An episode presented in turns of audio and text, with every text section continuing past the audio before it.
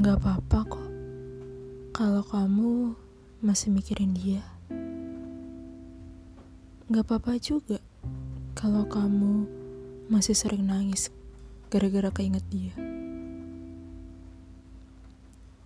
Walaupun emang udah gak ada gunanya lagi kamu nangisin dia. Dia juga tidak akan kembali. Dia sudah bahagia bersama yang lain. Tapi menangis bisa membuatmu lebih baik. Hatimu jauh lebih baik ketika kamu menangis. Aku tahu kamu sudah sekuat tenaga untuk melupakannya, tapi masih terus teringat saja.